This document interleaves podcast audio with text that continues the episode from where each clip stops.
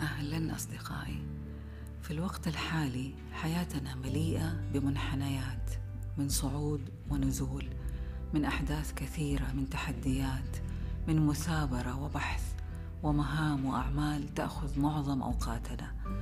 أصبحنا مدمنين على الحركة والركض والانتظار يتملكنا شعور الخوف من وقت لآخر. الخوف من المجهول نخشى التحدي نخاف الخطر أو أحيانا نغرق في قوالب المجتمع فيما تلقيناه أو فيما طلب منا أن نعيشه أو نمارسه. مع نمط الحياة العصرية نعيش مشاعر مختلفة ضمن تجارب حياة انتقالية غير ثابتة وكل ما نمر به في تجربة الحياة يجعل من الصعب علينا أن نكون إيجابيين طوال الوقت. مشاعرنا الثقيلة تنشأ في الأساس من أفكارنا وعقلنا وهي بدورها تؤثر على مزاجنا وأجسادنا أيضا.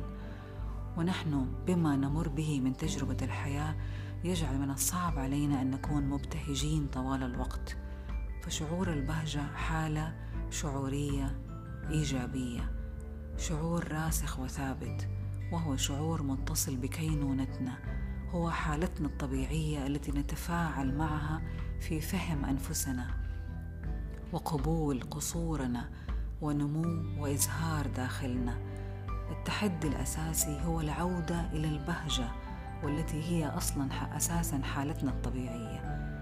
شعور البهجة غالبا ما يأتي في نفس الوقت مع شعور آخر. كما ذكر الطبيب النفسي والمؤلف راس هاريس في كتابه The Happiness Trap فخ السعادة. قال أن المشاعر السارة مثل الرضا والفرح والحب هي نواتج ثانوية لا تأتي وحدها بل تأتي مع المشاعر الغير مريحة مثل الخوف والغضب والإحباط. فلا يمكنك الحصول على المشاعر السارة دون المشاعر الأخرى. لهذا السبب من المهم أن نتعلم كيف نتقبل كل مشاعرنا الممتعة المحايدة وحتى غير السارة. يعني شعور البهجة لا يأتي وحده. مع تجربة الحزن نتوعى على البهجة. مرورنا وتجربتنا بأحد المشاعر يزيد من وعينا بالآخر. فشعور البهجة يعني يأتي كجزء من مجموعة من الظروف والأعراض التي نمر بها. مثلا عندما تسيل دموع حزن معنا تذكر أنها يمكن أن تكون نقطة انطلاق نحو الفرح.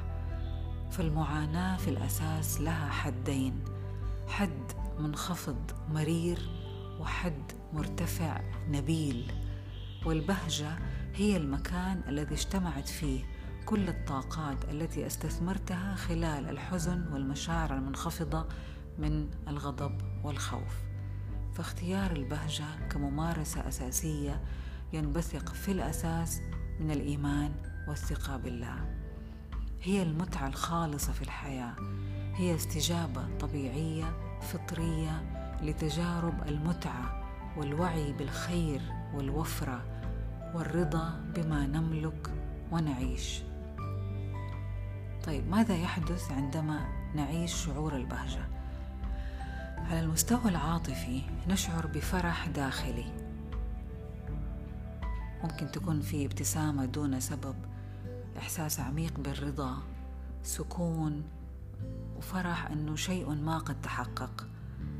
طيب على المستوى الجسدي المادي في تغيرات مع شعور البهجة نشعر بحركة في خلايا أجسادنا من خلال الحركة الموجودة في النواقل العصبية وهي خلايا كيميائية دقيقة تنقل إشارات من الدماغ مع الخلايا العصبية مرتبطة مع خلايا الجسم بأكمله. وهذه الناقلات مسؤولة عن تدفق الدم وحركة القلب والأمعاء والهضم وكل الجسم. يعني من فوائد هذا الشعور تنعكس أو تظهر في الحياة الصحية في قوة الجهاز المناعي في في قلة التوتر والألم اللي نشعر فيه. كيف نصل لشعور البهجة؟ الفرح والبهجة يعتمد على قدرة أساسية واحدة. نعم واحدة وهي القدرة على التلقي. القدرة على الاستلام. أن نكون مستعدين للسماح للأشياء بالدخول. السماح لأنفسنا بأن نتأثر بالحياة ونستجيب مع الحياة. وهذا الشعور بالاستلام يتصل بصفات الاستعداد والانفتاح والتواصل وهو ما يحدث بشكل طبيعي عندما نسكن ونهدأ. ونشعر بشعور داخلي لطيف شعور بالاطمئنان يأتي من القبول والاستسلام والارتباط بالتجربة.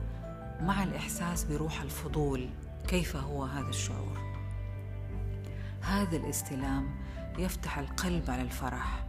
فكلما تعلمنا الحفاظ كيفية الحفاظ على اتصال محسوس بما يحدث حولنا كلما شعرنا بالسرور بشكل أعمق.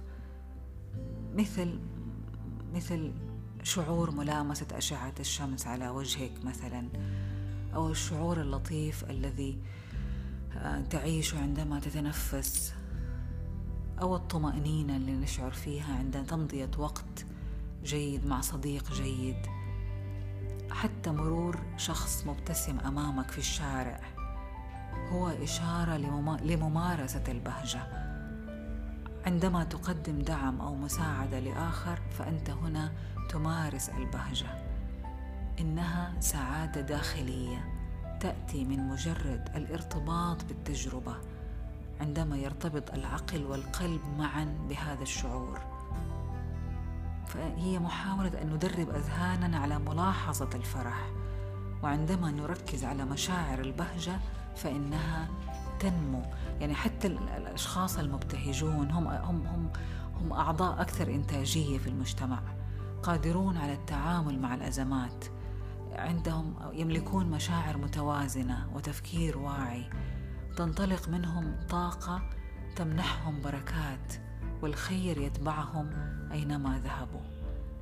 أدخل البهجة إلى حياتك بأن تمتلك تصور الاحتفال celebration تصور الاحتفال في داخلك الاحتفال دائما بما تستقبل من أمور بسيطة وصغيرة.